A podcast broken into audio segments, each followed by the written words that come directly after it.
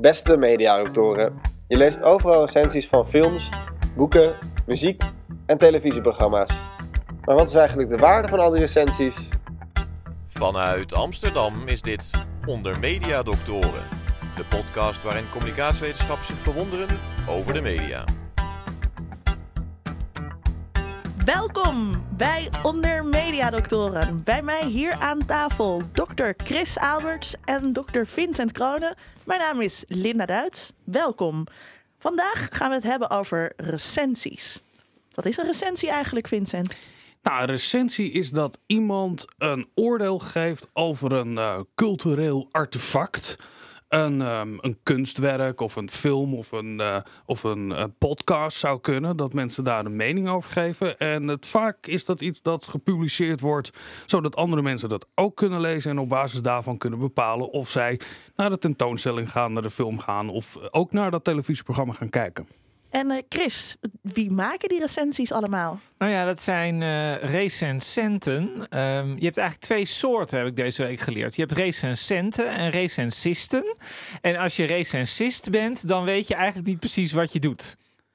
Oké, dat had ik nog nooit gehoord, dat woord recensist. Nou, dat schijnt, dat schijnt een vrij veel voorkomend woord te zijn onder mensen die er niet eh, van kunnen leven, zou ik maar zeggen. Dus een beetje de amateur-recensent. Ja, wie zijn dat? Ja, dat zijn mensen die denken dat ze er iets van weten. Dat geldt eigenlijk voor beide. Oké, en weten we ook iets over de geschiedenis van de recensie? Zijn die dingen er al lang? Ja, Aristoteles was natuurlijk eh, een van de eerste die in zijn eh, Poetica al een, een soort oordeel gaf over de kunsten. Dus eh, ja, we gaan al een paar duizend jaar terug om daar eh, eh, eh, dat we met elkaar ons mening, ons oordeel willen vellen over de cultuur. Is natuurlijk iets wat we al heel erg lang doen met z'n allen. Game Kings, Ja, Game Kings is een programma waarin eh, games gerecenseerd worden. Games worden gezien als een vorm van eh, populaire cultuur, niet echt hoge cultuur. Maakt het nou eigenlijk uit bij recensies? Speelt de scheiding tussen hoge en lage cultuur daarbij een rol, Chris? Ehm, nou, ik denk het is iets makkelijker eh, inhakken op populaire cultuur dan op hoge cultuur. Maar ik bedoel, dat is natuurlijk eigenlijk altijd zo. En volgens mij zie je dat in die recensies gewoon terug. Ik bedoel, het is natuurlijk toch iets. Het is natuurlijk toch. ehm, ja, je zou kunnen zeggen dat het makkelijk is om ehm, BNN-achtige programma's of SBS6 eh, sterren dansen op het ijs eh, af te branden dan eh, een of andere VPRO-documentaire. Dat blijft natuurlijk zo. Maar is een recensie dan iets afbranden? Nou, dat, dat, dat zou kunnen. Kijk, dat is natuurlijk een beetje de vraag. Ehm, de vraag is of de recensie een op zichzelf staand genre is. Dus of je recensies kan lezen en dan kan denken van... oh, wat een leuke recensies zijn dat. Of dat recensies eigenlijk gewoon een marketingmiddel zijn... om ervoor te zorgen dat mensen eh, de daadwerkelijke productie gaan, eh, gaan ehm, ja, consumeren. En als dat tweede het geval is... Of ja, eigenlijk in beide gevallen kun je zeggen van ja, dan mag het dus ook afgebrand worden. Want dan zeg je gewoon van nou, ja, er wordt- is een heel slecht boek verschenen. Of ehm, ja, dit moet je vooral niet gaan lezen en vooral ook niet kopen. Ik denk dat er nog een tweede verschil is tussen hoge en lage cultuurrecensies. Dat lage cultuurrecensies gaan vaak over de ervaring. Dat je hoe het was om naar die film te gaan. Of een avond televisie kijken naar Pulp. En eh, als dat dan onder lage cultuur valt. Terwijl hoge cultuur vaker wordt gezien als hoe verhoudt dat werk zich tot een bepaalde geschiedenis, een ontwikkeling, de kanon. Over welke relaties gaat dat werk aan met weer andere teksten. Ehm, ik denk dat daar een heel groot verschil in zit. Misschien is dat ook wel de reden waarom televisierecensies altijd op de pagina staan van de strips en de, en, en, en de recepten. En de filmrecensies, film is toch een oude medium, heeft zich al iets meer tot de hoge cultuur verheven en staat op de kunstpagina. Ja, dus eh, film is kunst en televisie is vooral een ervaring. En als je daarover wilt schrijven, dan moet je wel wat eh, in huis hebben. Als je al die relaties tussen populaire cultuurteksten wilt kennen. Welke rol speelt autoriteit bij recensies? Nou, autoriteit is natuurlijk heel erg belangrijk. Want kijk, als je geen autoriteit hebt, ja, dan maakt het niet uit dat je daar een bepaalde mening over hebt. Zijn tegenwoordig wordt, eh, geloof ik, als een boer zoekt vrouw is, eh, eh, als dat wordt uitgezonden, heb je elke week een recensie van de laatste aflevering daarvan. Ja, je kunt je natuurlijk afvragen of dat nou heel erg, ehm, en dat wordt dan door, geloof ik, een student geschreven of zo. Ja, die heeft natuurlijk geen autoriteit. Dus dan kun je je afvragen, zelfs als Waar die zie je die recensies? Nou, die staat toevallig op, op de Jaap stonden die altijd. Ik moet zeggen, ik heb het nooit gelezen, maar dan denk ik van ja, dat is niet een bekend iemand. Dus dat is wel een beetje problematisch. Terwijl misschien kan die eh, student heel goed schrijven. Misschien is het trouwens niet eens een student en denk ik dat alleen maar. Maar het is in ieder geval geen bekende naam. Dus ja, dan is dat toch, kan ik toch niet zoveel waarde hechten aan dat oordeel. Ja, Vincent? Nou, we recenseren ontsuft natuurlijk de afgelopen jaren. Ik denk wel eens dat heel veel mensen willen graag schrijven, maar hebben eigenlijk te weinig fantasie waarover ze kunnen schrijven. Nou, wat is er dan leuker om naar de film te gaan en daarover te vertellen, of een boek te lezen en daarover te vertellen? Eh, het is ook wat je in leesclubjes ziet, eh, of je spreekt met iemand af. Het is natuurlijk heel de vraag: goh, heb je die film gezien? Wat vond je ervan? Ja, dat is iets wat we heel veel met elkaar delen. En zoals alles wat we op internet zien misschien ook wel een verbeelding is van de wereld zoals die ook daarbuiten plaatsvindt, zien we nu ontstellend veel sites, amateursites, waarop eh, recensies verschijnen.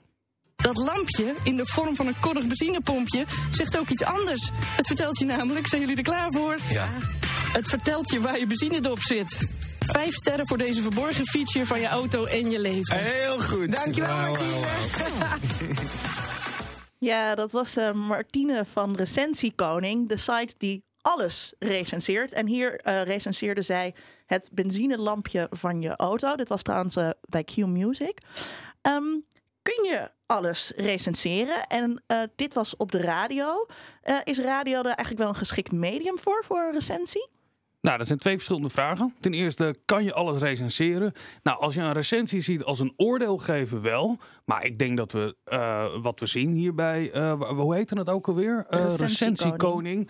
De grap daarvan is natuurlijk dat ze de vorm kiezen van de culturele recensie en dat op een benzinedopje plaatsen. De, de vorm daarvan. Ehm, de tweede vraag was: is er een, een, een radioprogramma geschikt om te recenseren? Ja, ik zou, ik zou niet weten waarom niet.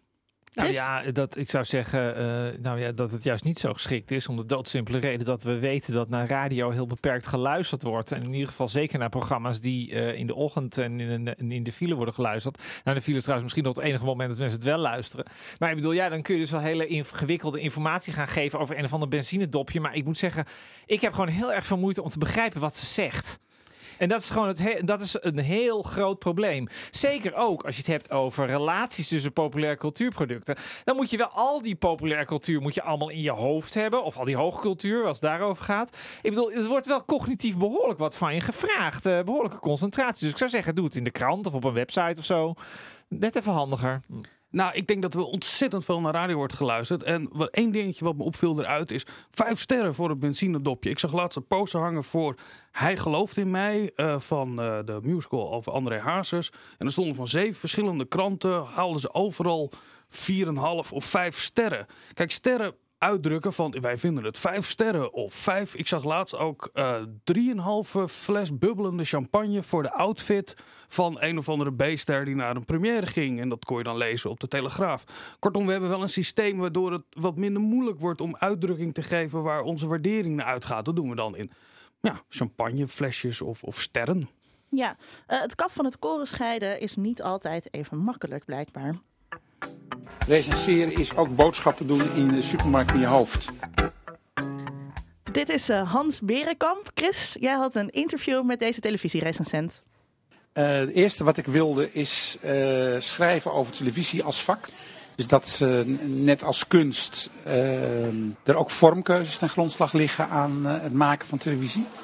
En daar gaat het eigenlijk nooit over. Als er een, debat is over televisie, dan gaat het altijd over de inhoud. Maar nooit waarom wordt hier gekozen voor close-ups? Eh, waarom altijd een stand-upper? En wat betekent eh, de, de suggestie dat er altijd iemand voor een, eh, een afzetlint in het journaal staat om de suggestie te wekken dat hij er bovenop zit. De- Dus, de ambachtelijke kant van het maken wilde ik benadrukken. En dat was eigenlijk tot nu toe in televisierecensies nog weinig gebeurd. Dat is één ding. En het andere is eh, wel inhoudelijk. Ik begon in 2003 over televisie te schrijven. En dat was net eh, een eh, jaar na de moord op eh, Fortuyn. Waarin je merkte dat de opvattingen over wat media zijn of zouden moeten zijn erg sterk aan het veranderen waren. Laten we zeggen, en bij mij het gevoel ontstond dat je op televisie een werkelijkheid ziet die niet overeenstemt met de eh, maatschappelijke werkelijkheid. Dat er een, een, een, een beeld wordt geconstrueerd van de werkelijkheid wat past bij wat de mensen willen horen en niet bij hoe het werkelijk is. Met andere woorden, als je afgaat op televisie zou je denken dat de afgelopen tien jaar de criminaliteit in Nederland enorm is toegenomen. Terwijl cijfers het omgekeerde aantonen. Nou wordt er gezegd, ja, maar het gaat om het subjectieve, eh, het beleven van de criminaliteit. En dan komen we met cirkelredenering, want het beleven van die criminaliteit, daar leveren de media en met name de televisie natuurlijk een belangrijke bijdrage aan. Nou, dat, dat soort processen wil ik dus ook als een soort chroniek in beeld brengen. En ik zeg wel eens, mijn denkbeeldige lezer is iemand die nooit naar de televisie kijkt, die bijvoorbeeld in Borneo ontwikkelingswerk uh, uh, doet. En aan de hand van mijn stukjes uh, een idee krijgt van wat er in de Nederlandse samenleving gebeurt. Dus je kan zeggen dat intensief televisie kijken en dat volgen is een soort chroniek van de samenleving waar je in leeft. Maar dan wel door een soapbril. Hè? Uh, zoals mensen op televisie praten, praten ze in het echt niet. En dat heb je met een soap ook. En zo moeten mensen zich ook realiseren dat wat ze uh, in Po-nieuws zien, een heel uh, specifiek beeld van de politiek geeft. Het is wel handig als je een, zo niet een theorie, dan toch in ieder geval een samenvattende, samenhangende opvatting hebt van uh, waar ik nog het dichtst bij sta, is geloof ik de psychoanalyse. dat vind ik vaak wel een handig instrument om vanuit die, dat, die invalshoek naar verschijnselen te kijken. Deze recensent zet mensen aan het denken en toetst de kwaliteit van het gebodene aan altijd subjectieve criteria. Want een recensent is één persoon. Objectieve recensies bestaan niet. Je hebt wel faire en unfaire recensies. Er komt een, nieuwe Amerikaanse film uit. Um, daar zijn, laten we zeggen, 2000 uh, dingen over te melden. Daarvan zijn er 1800 uh, positief en 200 negatief. Als je dan vervolgens alleen de 200 negatieve recensies citeert, dan is dat dus geen faire recensie. Maar de selectie uit al hetgene wat je zou kunnen melden blijft subjectief. En ook uh, gestuurd door wat jij zelf vindt en hoe jij er zelf in staat. Recenseren is ook boodschappen doen in de supermarkt in je hoofd. Je hebt als het goed is uh, in je hoofd een, eindeloze rekken vol met ideeën, uh, kennis, namen, smaakopvattingen. en het gaat erom dat je bij het, het recenseren de juiste vergelijkingen maakt. De juiste associaties eruit Heel erg essentieel is, en daar zie ik ook dat de meeste beginnende recensenten op stuk lopen. Die schappen zijn vaak nog een beetje leeg. Die zijn niet genoeg gevuld. Dus ik zeg altijd, als je recensent wordt, moet je eerst een paar jaar gaan vakken vullen. Ja, dus er wordt veel gebeunhaast. En er is geen een Nederlandse vereniging van huisvrouwen die daar een stempel op plakt. Van u bent wel of niet een uh, goedgekeurde recensent. En dat is maar goed ook, want iedereen moet zich dat kunnen noemen. En ik geloof heel erg wat dat betreft in, in, in, in de markt of het forum. Uh, dat zegt ja, maar jij bent wel serieus te nemen en jij niet. Chris, dit was jouw interview. Ja. Hoe heb jij het beleefd? Nou, het was heel interessant, omdat eigenlijk uh, hij precies zegt wat ik dacht. Namelijk, uh, ja, het is uiteindelijk ook maar een mening. En je hebt een soort autoriteit als recensent nodig. Die krijg je door een publiek te hebben en door dat langer te doen. En door, meer, door er heel veel, heel veel tv te kijken en er heel veel over te lezen en heel veel culturele kennis te hebben. En als je die niet hebt, ja, dan blijf je toch een beunhaas. Ja, Vincent, wat viel jou op? Nou, ik vond de opmerking dat je recensies schrijft voor mensen die eigenlijk nooit televisie kijken, vond ik een wat, wat vreemde opmerking. Uh, zeker als je uh, beziet dat hij zegt van ja, televisie is eigenlijk ook een soort spiegel van de samenleving. Daaraan kunnen we de samenleving afmeten. Door dat te gaan recenseren weten we iets meer van de maatschappij. Dat is toch juist als het over al die vakjes gaat, al die referenties, zou het moet geschreven moeten men, uh, worden door mensen die juist in die samenleving zitten, die daar een onderdeel van uitmaken. Vind ik eigenlijk veel relevanter als recensent om dat op, de, op die manier te doen. Dat vond ik kon ik niet helemaal plaatsen in zijn doelstelling als recensent. Ja, het is eigenlijk ondenkbaar dat je boekrecensies schrijft voor mensen die nooit boeken lezen. Dat het, als een soort raar antropologisch fenomeen wat zich ergens afspeelt en wat je dan ook gaat schrijven voor, nou in dit geval de, de, de antropoloog in Borneo, van kijk eens wat hier allemaal in deze rare samenleving gebeurt. Die distantie ten opzichte van uh, het fenomeen, televisie in dit geval, zal je nooit zien bij andere kunstwerken. Televisierecensenten zijn ook de enige recensenten die niet van het medium hoeven houden. Nou ja, daar ben ik natuurlijk een uitzending op. Ik ben natuurlijk een week lang Volkskrant televisierecensent geweest. En daarbij viel wel op, uh, ik heb een enorme liefde voor televisie en populaire cultuur. Dat kreeg ik terug in de reacties. Dat mensen blij waren dat er iemand televisie keek die het leuk vond om televisie te kijken is er dan toch nog niet weer zo'n lage en hoge cultuuronderscheid wat hier naar binnen kruipt, Chris? Nou, um, nou ja, wat natuurlijk wel heel raar is, is dat het inderdaad uh, heel vaak gerecenseerd wordt door mensen die die tv niet leuk vinden. Maar ik weet eerlijk gezegd niet of dat nou voor Berenkamp geldt. Ik denk dat Berenkamp zit daar volgens mij juist heel erg neutraal Ehm, ja, ze komt op mij in ieder geval daar heel neutraal in over. Dus aan de ene kant een hele hoop programma's heel slecht. En andere dingen vindt hij goed. En dat is eigenlijk niet zo gekoppeld aan het medium. Dus ik vind het eigenlijk helemaal niet uh, dat dat zo dat dat onderscheid die hoge laag cultuur. Nee, dat zie ik er niet zo in zitten. Wat mij vaak opvalt in recensies is dat als uh, het uh, positief is over televisie, dan wordt het vaak omdat het vergeleken kan worden met hele goede films of moeilijke boeken. Maar nooit het medium zelf kan nooit centraal staan. Oké, zoals altijd kijken we ook wat er in de wetenschap allemaal gezegd wordt. Vincent, jij bent daarin gedoken. Ja, zeker. En ik heb uh, drie artikelen gevonden. En um, de eerste die ik graag wil bespreken is een artikel van Annemarie Kerstena en Denise D. Bilbip. En eigenlijk wat ze hebben gedaan is gekeken van... is er nou een verschil in recensies tussen de zogenaamde arthouse films en de mainstream films? Nou, ze kwamen tot 15 thema's die ze in alle recensies tegenkwamen. En wat ze zagen is dat eigenlijk de categorie die gaat meer over de arthouse films... dat daar meer aandacht is voor het uh, filmmateriaal, de interpretatie of de plek in de kunst. Dus eigenlijk meer het denken in een kanon. En in de mainstream films uh, is dat veel minder. Gaat het veel meer over de ervaring. Maar ja, ze hebben het vaker, ze hebben het verder ook in factoren verdeeld. En ze concluderen dat ook wel voor arthouse films het zo is dat het net zo goed eigenlijk gaat over. Heb je een leuke avond gehad als je naar die film gaat? Was het als kijker een interessante ervaring? Dan vraag je je misschien af, maakt het nou uit? Die filmkritieken. Ja? Gaan mensen nou eerder naar de film op het moment dat ze een positieve kritiek hebben geleverd? Nou, ook de wetenschap doet daar onderzoek daar. Een artikel van uh, mevrouw Gemser van Oosterum en de heer Leenders schreven in de Journal of Cultural Economics, en dat was uh, in 2007, hebben ze gemeten de aard, het aantal en de grootte van de recensies en gekeken of er dan in het openingsweekend ook meer mensen naartoe gingen. En ze hadden een hypothese en ze zeiden van nou, voor mainstream films is het misschien wel een soort voorspeller of er veel mensen naartoe gaan. Maar bij arthouse films is het ook daadwerkelijk is het van invloed. En jawel, ze hadden gelijk. Ze hebben gekeken naar uh, 84 verschillende uh, uh, artikelen die er zijn verschenen, de kritieken die in 13 verschillende kranten stonden. En wat bleek nou? Dat juist arthouse films afhankelijk zijn van die kritieken. En dat met name het aantal en de grootte van de recensie bepalend is. Dus niet de aard. Wat op zich wel grappig is, of positief of negatief is. Maar er veel over gesproken wordt en ze geven een verklaring. dat arthouse films hebben nou niet de kracht van de sterren. en, en, en het grote uh, PR-apparaat achter zich. Dus die moeten het veel meer hebben van dit soort kritieken. En dan als laatste kwam ik een artikel tegen uit de Journal of Broadcasting van Lawrence Lictia. En die beschrijft een uh, recensent van de New York Times. En heeft hij onderzoek naar gedaan en hij heeft daar gekeken naar 462 verschillende stukken. En ik was eigenlijk de vraag aan jullie. Is dat uiteindelijk komt hij met het positieve commentaar dat deze heer Gould, deze recensent, juist als sociaal criticus naar voren komt. Eigenlijk wat Berenkamp ook net zei.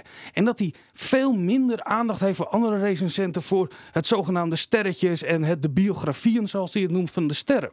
En dat eigenlijk Gould daar een grote uitzondering op is. En dat we daar waardering voor moeten hebben. En aan jullie de vraag is: in welke tijd denk je dat Gould de recensent was? Waarin hij de grote uitzondering was?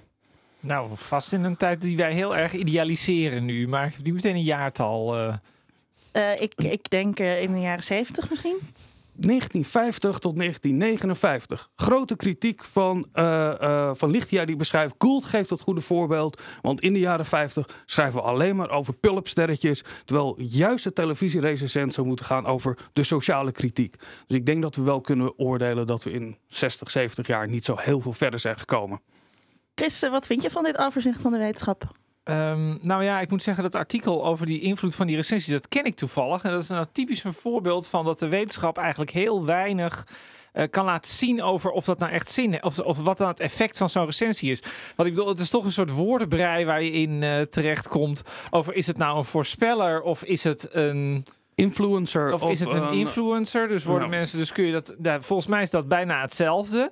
Um, ja, dus, dus dat zijn wel vragen waar de wetenschap heel erg moeilijk mee um, uit de voeten kan, zou maar zeggen. En dat gaat dan toch ook meteen weer over wat is nou de relevantie van dit. Want dat was de eerste opmerking ook van Berenkamp. Van, omdat ik vroeg van ja, is dat eigenlijk belangrijk recenseren? En zijn antwoord was ja, lekker belangrijk eigenlijk.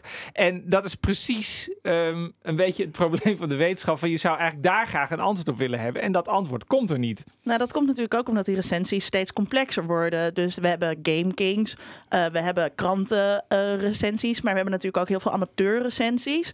Uh, je noemde net al even op de Jaap. Um, worden recensies geschreven, maar denk ook aan alle Amazon.com recensies. De werkelijkheid is natuurlijk ook heel complex. Vincent? Ja, we, we, hebben laatst de première meegemaakt van Het Bombardement, de film met Jan Smit. Ik heb een paar recensies daarover gelezen. Nou, gruwelijker dan dat kan je een film niet recenseren. En wat scherpt mij verbazing dat een aantal dagen later de eerste honderdduizend mensen in Nederland er al naartoe zijn gegaan. Dus de invloed van, uh, uh, van recensies zoals het hier beschreven staat, ik, volgens mij wordt dat ook steeds minder. Dat mensen helemaal niet in de krant op donderdag gaan lezen van goh, naar welke goede film gaan we. Dat het ook een star vehicle is, omdat Jan Smits meespeelt. Maar de vraag is natuurlijk ook een beetje van wat is nou een recensie? Want wij praten heel erg over um, vanuit het kader van Hans Berenkamp, van een column in een in een krant of een artikel of een blog. Maar ik bedoel, je kan je natuurlijk ook afvragen of al die aandacht bij shownieuws en RTL Boulevard voor een nieuw tv-programma, of dat niet ook gewoon een soort vorm van recenseren is. En dat speelt natuurlijk een enorme rol. We zijn aan het einde van de uitzending gekomen en dan beantwoorden we altijd onze vraag. De vraag was: wat is de waarde van al die recensies nou eigenlijk? Chris. Nou, de, de waarde van al die recensies is um, heel beperkt. Vooral omdat er veel te veel van zijn, uh, zou ik zeggen. En omdat, de, en omdat er zoveel zijn, zijn de meeste recensies heel slecht. En het is heel moeilijk voor burgers of voor consumenten om een beeld te krijgen van welke recensies zijn nou echt nuttig, zou ik maar zeggen, voor je.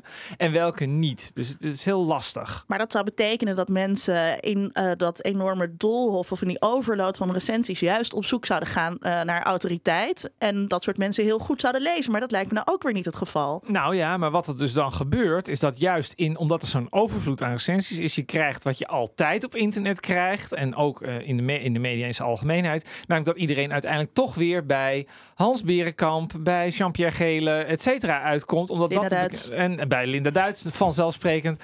Um, omdat Wie? Uit, ja, wie ook alweer. Uh, je komt altijd bij dezelfde namen uit. Om de doodsimpele reden dat dat de namen zijn die gewoon bij iedereen um, ja, naar boven komen. En dat zijn niet de mensen die ja, ook een keer iets geschreven hebben op een blog.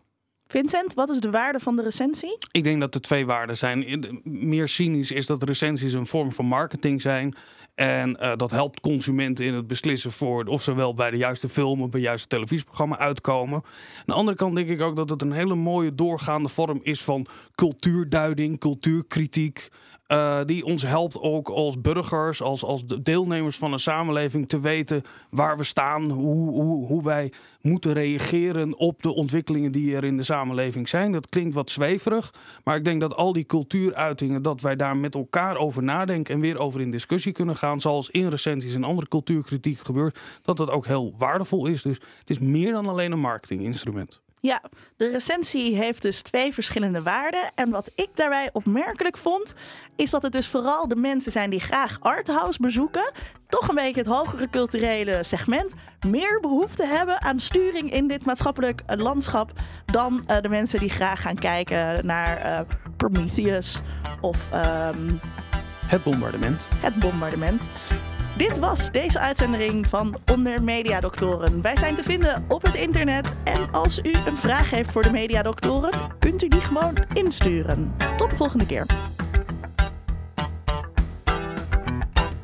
Onder Mediadoktoren is een podcast van Chris Alberts, Vincent Kroonen en Linda Duits. Meer informatie op www.ondermediadoktoren.nl